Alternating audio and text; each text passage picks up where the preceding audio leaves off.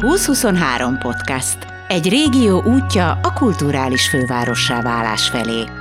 2023. Emberek, gondolatok, innováció.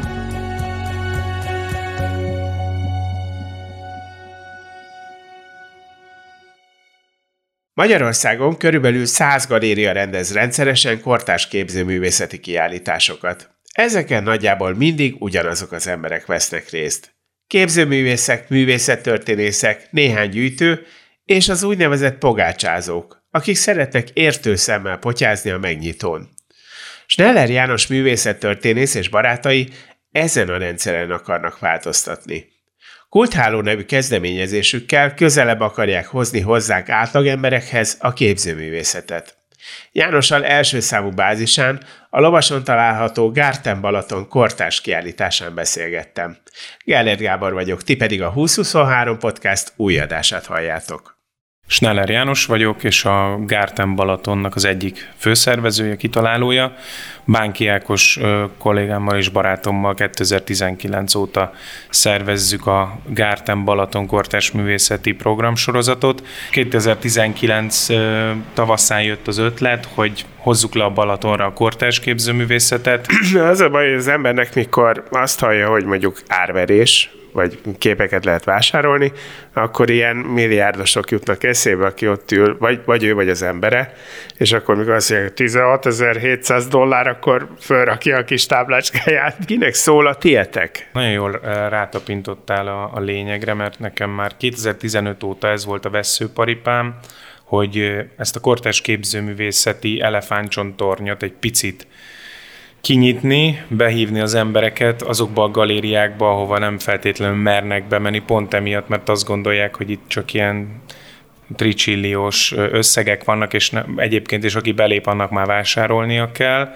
És ugye van ez a, ezt úgy szokták mondani, egy küszöbb frász, hogy az emberek nem mernek bemenni a galériába. Miközben Budapesten szerintem közel száz olyan galéria van, aki rendszeresen hónapról hónapra új kortás kiállításokkal lepi meg a közönséget, csak e- ezekre a kiállításokra egy nagyon szűk csoport jár. A képzőművészek, a művészettörténészek, egy-két gyűjtő, meg egy-két pogácsázó. És akkor ez egy pár, pár száz vagy ezer fős csapat, aki mindenki ismer mindenkit,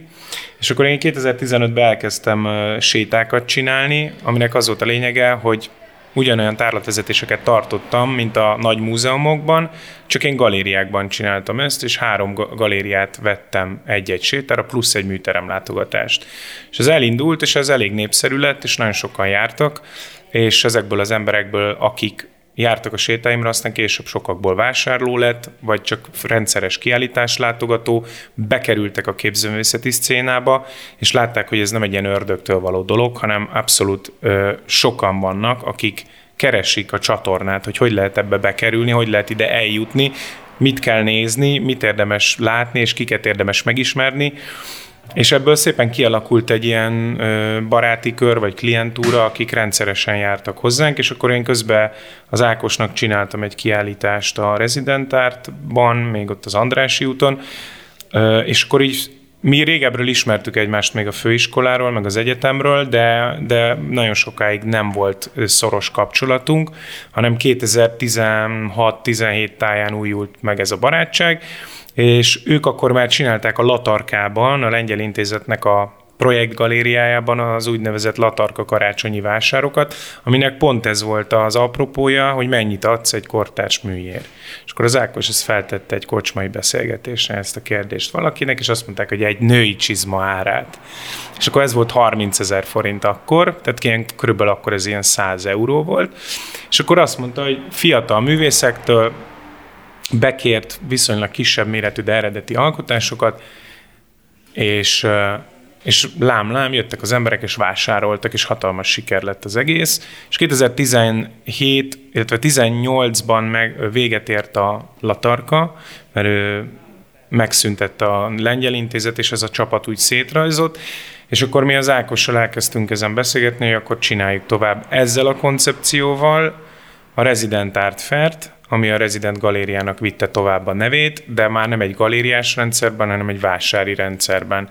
És ez nagyon jól összepasszolt az én koncepciómmal, hogy demokratizálni egy kicsit a képzőművészetet, bevonni olyan embereket, akik nem ebben a közegben mozognak, és akik szeretnének, de valahogy nem találják a csatornát képzőművészet felé, és ez a kettő nagyon jól összejött, és egyrészt nekem is volt egy klientúrám, már az Ákosnak is volt, illetve volt egy művészköröm nekem is, meg neki is. Ezt összeraktuk, és ebből lett ugye a Resident Art Fair, és utána jött az ötlet, hogy akkor ezt hozzuk le a Balatonra, és akkor itt tulajdonképpen ugyanazzal a koncepcióval megyünk tovább, tehát egy olyan fair árazást próbálunk képviselni,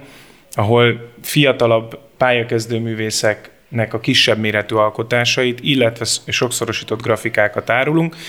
és itt is működik a modell, mert nagyon sokan, akiknek itt van nyaralójuk, jönnek és veszik a műveket, mert nem olyan összeg, ami megfáj, tehát ami tényleg fáj, hanem olyan összeg, amire azt mondja az ember, hogy hát ennyit lehet, hogy kiadnék egy poszterér is, de most nem egy poszterem lesz, hanem egy eredeti művem,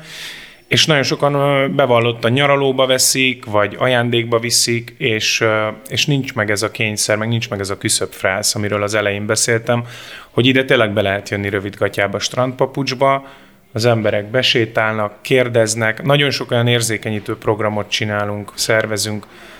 ami arról szól, hogy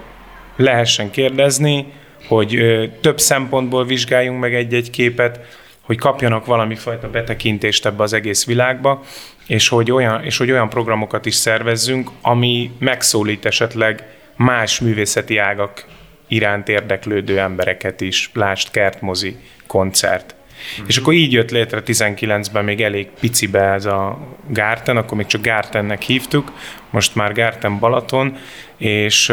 annyit változott, hogy első évben ugye csak ez a helyszínünk volt, nagy Gyula Galéria. Ez itt volt korábban, és ez 15 éve működik ez a galéria, de idény jelleggel. Ez a Nagy Gyula egy helyi festő volt itt, egy ilyen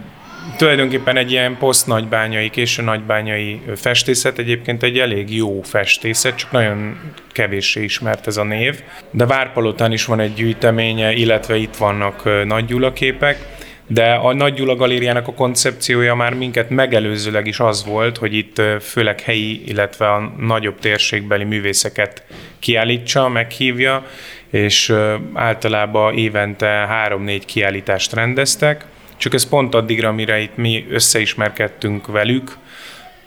addigra kezdett egy picit úgy leszállóákba menni, és ők nagyon örültek annak, az egyik alapító a Nagymária, aki a Nagy Gyulának a lánya, hogy ide mi bejöttünk ezzel a fiatalos programmal, és megtöltöttük élettel a kertet, és akkor ez így má, mostanra 2021-re eljutott egy olyan fázisba, hogy sikerült bevonnunk négy helyszínt, összesen 7 kiállítás, és körülbelül 70 program van, tehát hogy egy nagyon nagy, szépen lépcsőzetesen építkeztünk évről évre, és így jutottunk el most ide, és hát valahogy az a célja ennek az egésznek, hogy hogy talán 2023-ra, tehát a kulturális főváros évére megpróbáljuk ezt a mikrotérséget teljesen lefedni, tehát paloznak, alsóörs, csopak, lovas és felsős bevonásával mindenhol legyen valami bázisunk, és talán esetleg még egy színpadot valahol létrehozni, és bevonni azokat a helyi kulturális szereplőket, akik egyébként is aktívak a térségben, de mondjuk eléggé szeparáltan működnek, tehát nem feltétlenül tudnak egymásról. És ez a programsorozat, amit megcsináltunk, létrehoztunk, ez ez egy kicsit olyan is, hogy rácsodálkoznak a helyi kultúrosok is, meg a helyi emberek is, hogy ja, itt van ez, és át lehet jönni, ott van a civilház, de is ki lehet menni, el lehet menni csopakra. Tehát, hogy egy picit az, hogy így a, ne csak szavak szintjén legyen kommunikálva ez a mikrotérség, hanem tényleg az emberek egy picit lássák, hogy hol mi zajlik, mi történik ti tulajdonképpen azt tudjátok garantálni, hogy ezek a képek a megfelelő szintet megütik. Tehát ezek jó minőségű művészeti alkotások. És ha valaki bejön, akkor meg tudja kérdezni, a gyerekek, akkor ezt most mennyiért vihetem haza. Körülbelül ez történik itt? Igen, az a célunk, hogy, hogy egyfajta keresztmetszetet vagy merítést mutassunk be a magyar képzőművészeti életnek abból a szegmenséből, amivel főleg most azért kif, idén kifejezetten fiatalokat válogatunk, nagyon kevés a nálunk idősebb vagy ilyen középgenerációs művész. A cél tényleg az volt, hogy egy, hogy egy nagyon tág palettát mutassunk, ahol az absztrakt tendenciáktól a figurativitáson, a groteszken keresztül és a geometrikusig eljutva minden szerepel, és igen, nagyon ügyelünk arra, hogy a minőség az, az meglegyen, tehát olyan művészekkel dolgozunk, akik, akik művészként dolgoznak, akár galériás háttérrel, akár anélkül, de mindenképpen rendszeresen kiállító és alkotó művészekről van szó. Fontos nekünk az, hogy legyenek olyan emberek, akik egyébként nem gyűjtők, hanem alkalmi vásárlók, és ez megtörténik, tehát nagyon sokan nálunk veszik meg az első műalkotásukat, amire én egyébként kifejezetten büszke vagyok. A másik oldalon pedig nagyon sok olyan fiatal művész van, aki ugyan kiállított már ilyen-olyan csoportos vagy vagy, kultúrházas, vagy bármilyen kiállításon, de mondjuk még nem történt meg neki az eladás, tehát nem tudott áttörni odáig, hogy akkor tényleg el is adjon egy művet. Mert azért ez egy másik szint, amikor már meg is veszik a műalkotásodat. És nagyon sok olyan fiatal művész van, aki nálunk ad el először. És egy picit ilyen kapugalériaként is működünk, hogy összegyűjtjük ezeket a fiatal tehetségeket, megpróbáljuk kiszedni azokat, akik tényleg valami újfajta látásmódot képviselnek, és minőségi műveket hoznak létre. És ezeket sajnos vagy nem sajnos, ez egy jó feladat is, néha egy kicsit hálátlan, hogy el is viszik tőlünk ezeket a művészeket más galériák. Tehát a nagy galériák, most nem akarok neveket mondani, de rendre visznek el olyan neveket, akiket mi hoztunk be a porondra. És ez egy picit néha rossz, néha meg büszkeség is, mert látjuk azt, hogy megjelennek aukciókon, kiállításokon azok a nevek, akikről előtte senki nem tudott, csak mi. Ha focis hasonlattal akarunk élni, akkor ti vagytok a nevelő egyesület. Hát igen, ez az utánpótlás, amiből nekünk most már egy picit ebből annyiban tovább kell lépnünk, hogy hogy szeretnénk újra galériát, fix helyet Budapesten, illetve felmentünk a legnagyobb nemzetközi képzőművészeti portára, az arci.net-re, és ott is elkezdtünk szorosabban együttműködni képzőművészekkel, és megpróbálni ott is értékesíteni ezeket a műveket. De még a kérdésedre visszatérve, igen, itt fixáros művek vannak, tehát mindennek kim van az ára a képnek a címe alatt, és, és igyekszünk olyan árakat, olyan árakkal dolgozni, amelyek korábban ez az 50-100 ezeres kategória, most inkább már a 100-150 ezer forintos kategóriában van a legtöbb kép, de azért lehet találni 50 ezeres képeket is, és kevés, és nem megyünk el a millió forint fölé, tehát hogy a legdrágább kép is, ha jól tudom, talán 8 vagy 900 ezer forint, de nagy átlagban azt mondom, hogy a 100 és a 250 ezer forintos képek között mozgunk. Idén egy picit annyiban változtattunk, hogy most például nincsenek szitanyomatok, azt majd a karácsonyi vásárunkon fogjuk valószínűleg árulni, viszont kihoztunk egy szita mappát, egy szita nyomat mappát, amivel végül is csatlakozunk abba a hagyományba, amit a 70-es évek elején a Fajó Jánosék elkezdtek, hogy nem kell feltétlenül olajvászon méregdrága műveket megvásárolni, hanem ezeknek meg lehet vásárolni a sokszorosított, de mégis egyedi aláírt számozott változatát szitanyomatként, és felkértünk négy művészt, hogy hozzanak létre egy-egy szitanyomatot. Ebbe az egyik az Ákos egyébként, a társam, és be, meghívtuk Szentgróti Dávidot, aki egy pécsi művész, illetve Barátáront, valamint Nádler Istvánt, aki meg ugye egy nagy név, de mégis ugyanebben az absztrakt informál világban mozog, és létrehoztunk egy ilyen mappát, ami nek azt a nevet adtuk, hogy Garten Balaton VIP Szita mappa, és ennek a megvásárlásával támogatják a gyűjtők a programoknak a létrehozását, illetve az egész Garten Balatonnak a létrehozását, és gyakorlatilag egy nap alatt eladtunk 20 mappát, tehát összesen 30 számozott példány plusz a művésznyomatok vannak, és ebből első nap elfogyott 20 darab, tehát nagyon gyorsan ment, és gyakorlatilag maradt azt hiszem három vagy négy olyan mappa, amit még azért megtartunk, hogy később is lehessen értékesíteni, meg magunknak is megtartottunk nyilvánvalóan. És ez azért nagyon jó, mert, mert pont ugyanarról szól, amiről a, amiről a Resident Art Fair is, meg a Garten Balaton is, hogy több emberhez eljuttatni, demokratizálni az egész képzőművészetet, és egy picit nagyobb társadalmi bázis teremteni neki. Mi mindig itt vagyunk az Ákossal, amikor nyitva van a galéria, vagy nagyon kevés alkalommal, amikor nem.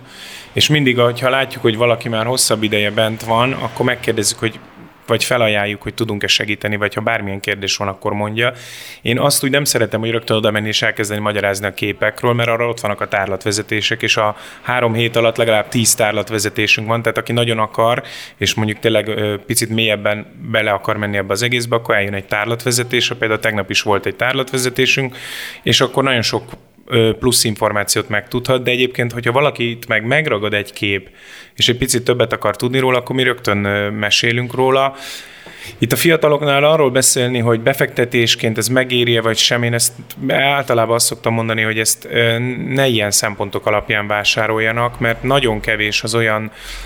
művész, akiről biztosan lehet tudni, hogy mondjuk fel fog ívelni a karrierje, és 20 év múlva is még keresett lesz a piacon. Én nyilván érzek én is olyan tendenciák, hogy van, akiről látom, hogy igen, tehetséges is, benne van a szorgalom, a kitartás, meg a galériás háttér, meg a network, de ez egy annyira komplex dolog, hogy még a részvényeknél is igazából bonyolultabb és irracionálisabb. És, és ezért én azt szoktam mondani, hogy ne azt vásárolják, főleg ne ebbe az árkategóriába, amiről azt gondolják, hogy majd tíz év múlva el fogják tudni adni nem tudom hány millió forintért, hanem azt vegyék, vagy azt vigyék, ami ami tetszik, tehát amivel együtt tudnak élni, és ez működik egyébként, mert a legtöbb ember tényleg úgy választ, hogy, hogy nem azzal a célral, meg ebbe az árkategóriába tényleg nem lehet még ilyenekről beszélni, meg ugye nagyon sok olyan, olyan művészünk van, aki mit tudom én 20-as évei végén van, és most jött ki a főiskoláról, vagy az egyetemről, és uh, egyáltalán nem lehet tudni, hogy mi lesz belőle 10-15-20 év múlva. És persze van egy-két, most, most kifejezetten kevés, de van egy-két olyan középgenerációs vagy idősebb művészünk, mint például a Mazzag István, vagy a Kopasz Tamás, vagy mondjuk a Koronci Endre, akikről meg lehet tudni, hogy van mögöttük már egy nagyon komoly 20-25-30 éves karrier, rendszeresen adnak el, benne vannak a művészeti körforgásban, és, és mondjuk azt lehet mondani, hogy ha valaki vesz tőlük egy művet, az nem fog ö, rosszul járni, valószínűleg el fogja tudni adni 5-10 év múlva is, de a fiataloknál én azt szoktam mondani, hogy ezzel nem kalkuláljon senki.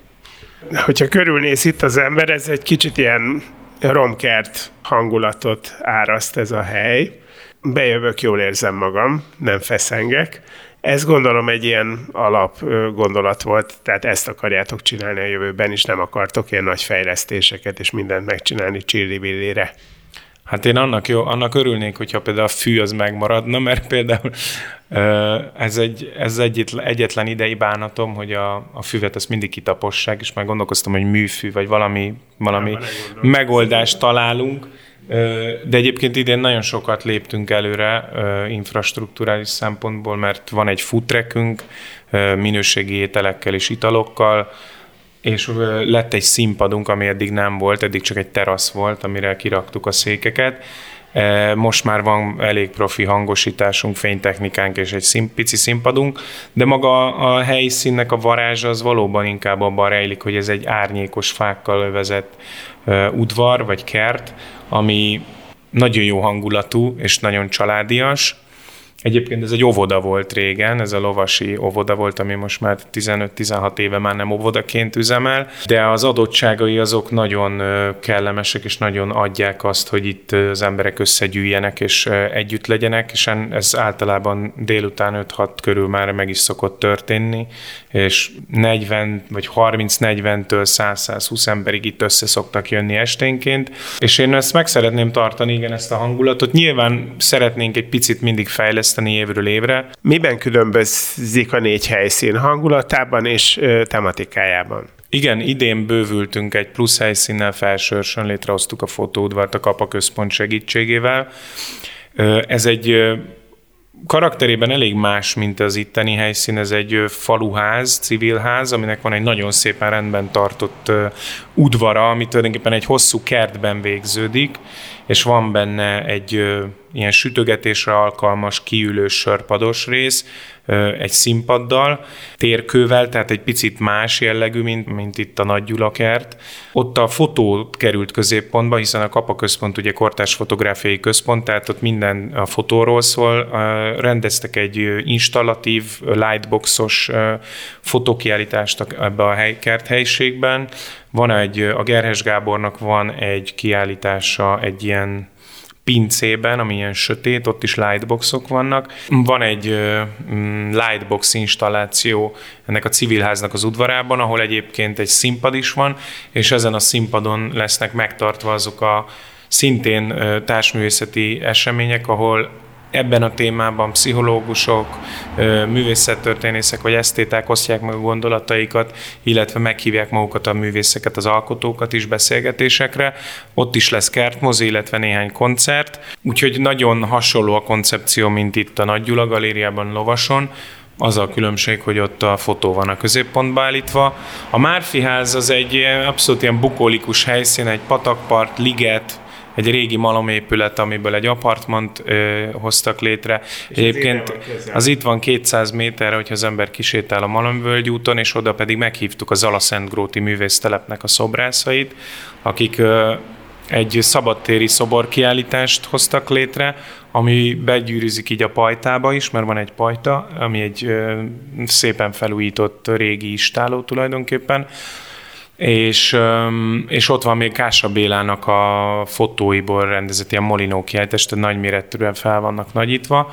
Ezek a főként Székelyföldön, Erdélyben készült népzenészeknek a portréja 70-es évekből, de egy ilyen nagyon érdekes zárványvilág, ami tulajdonképpen megmaradt ugyanolyannak, amilyen több száz évig volt, és ennek a primásai, meg különböző zenészei szerepelnek ezeken a Biztos fotókon. Igen, és most jelent meg egyébként a Kása Bélának egy gyönyörű szép fotóalbuma is, amiben között 200 kép van, és a negyedik helyszínünk az pedig Csopakon a ZM plusz G galéria, ez a Zámbó Attilának a műterem és galériája, ami egy nyitott műterem, ahol az ő szobraival lehet találkozni, és van egy kis kamera kiállító tér, ahol pedig Robi Canikónak van a fotóiból egy válogatás, és, és akkor hát ez, a, ez, ez az egy ilyen abszolút családias, megint egy nagy füves plac, és akkor aznak a közepén ott van egy ház, és a szobrok pedig az Attila szobrai meg elszórva a kertben, mert ő ilyen permi vöröskőből, ami itt a helyi jellegzetes kőzet, amiből tényleg minden kerítés van, építőanyagit, abból faragja ezeket a nagyon cuki kis állatszobrait, és ez egy nagyon helyes dolog, abszolút sokan vásárolják egyébként, és akkor még lesz majd a Koronci Endrének itt a lovaspályán egy nagyon érdekes a szelet és az emberi tevékenységet összehozó installációja, vagy ilyen köztéri szobra, ami tulajdonképpen nejlonzacskókból épül meg, de több száz nejlonzacskót fűz föl egy nagy keretszerkezetre, és azt a szél felfújja, és állandó mozgásban tartja, és ennek van egy nagyon szép ilyen mintázata, attól függ, hogy milyen színű. És 17-én jön a koronci, igen, ő, ő, egyébként őnek is van alsóörsi illetősége, mert a szülei itt laknak, mm. úgyhogy ilyen értelemben ő is egy helyi művész. Kedden délután lesz, reméljük, hogy lesz szél, lehet hozni nejlonzacskót a helyieknek, úgyhogy aki akar, az részt vehet, tehát ilyen szinten is próbáljuk bevonni az embereket.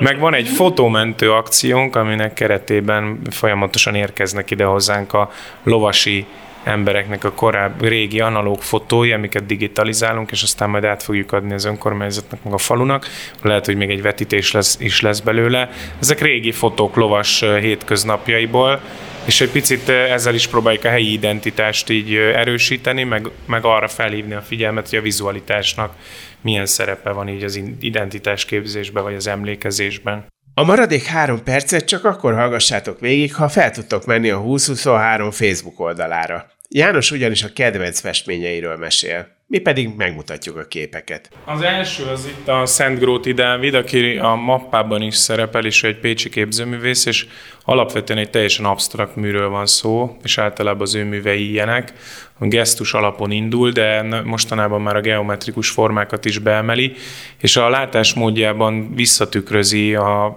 komputergrafikának, vagy a Photoshopnak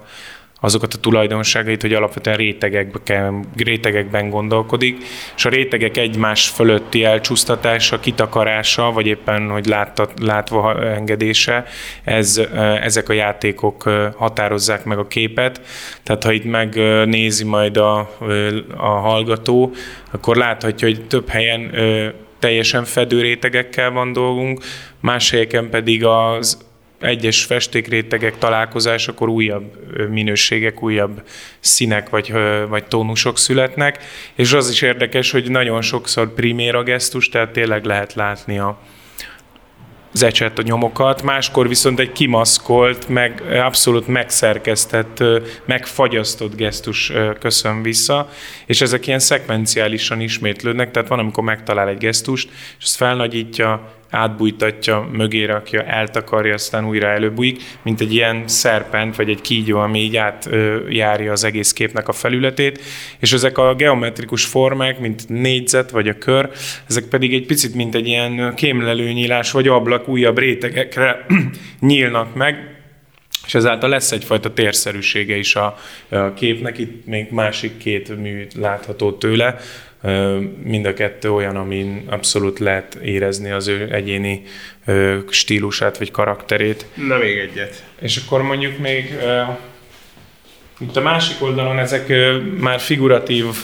alkotások főként, ez egy picit inkább így a pandémiáról szól, és a Szolnoki Szabolcsnak mind a két képe. Talán ez az egyik, ez a csukja egy olyan mű, amit azért szeretek kifejezetten, mert nagyon erős benne a festőiség, egy nagyon könnyű kezű, nagyon jó szemű művészről van szó, aki reflektál erre a helyzetre, és itt egy olyan Szám, én ezt úgy értelmezem ezt a karaktert, hogy éppen öltözködik, vesz föl egy, egy olyan ruhát, amivel eltakarja a testét, és, és tulajdonképpen ez a, megint csak a pandémiának egy ilyen nagyon tipikus képe, hogy öltöznek be az orvosok, veszik fel a szkafandert, és, és tulajdonképpen a, egyszerre a harcot is ugye a vírussal, és, és egy kicsit ilyen személytelenné válik, kicsit vészjóslóvá is ez a kép, nem csak a szürkék dominanciája miatt, hanem azáltal is, hogy ugye nem látjuk a karakternek az arcát, és olyan arctalanná válik. A többi képen itt meg, ha megnézzük, nagyon sokszor dominálnak a szemek, és itt is az van, hogy a, ugye amikor maszkot viseltünk, akkor főként a szemünkkel kommunikáltunk. Legtöbbször nem láttuk, hogy milyen hangulatban van, vagy milyen mimikája van az illetőnek, csak a szemeket, és itt is sokszor... A bankrablók is úgy szoktak. Igen, tehát hogy ez, ez, ez egy ilyen nagyon furcsa helyzet volt, és, és a tekintet itt nagyon sok a képen fontos szerepet játszik a Verebicságinál, vagy a Katinál, vagy a Nagy Marcel képein is, ahol nagyon sok szem tekint ránk vissza. De van olyan kép is, ahol arc sincs. Igen, van, ahol elveszíti ezt a fajta karaktert. Egyébként a Szász Sándornak ezek a kollázs alapú grafikái, ezek általában egy-egy művészettörténeti toposzra reflektálnak. Itt például a René Magritte-nek egy képére, de ott például egy, egy kifejezetten beemel egy idézetet, egy, egy hellenisztikus szobornak a képét, és ezt írja át. Úgyhogy itt ez a fal, ez főként így az emlékezésről, illetve a illetve ezekről a parafrázisokról szól. Sokan festenek egyébként parafrázisokat, vagy emelnek be már ismert képzőművészeti toposzokat, vagy, vagy karaktereket, amik ismerősen köszönnek vissza, akkor is, ha éppen nem tudjuk őket beazonosítani. Ez volt a 2023 podcast adása, köszönjük, hogy velünk tartottatok. Megköszönjük, a követitek Facebook és Instagram oldalunkat, valamint a Veszprém Balaton 2023.hu című weboldalunkat is. Gerét Gábort hallottátok.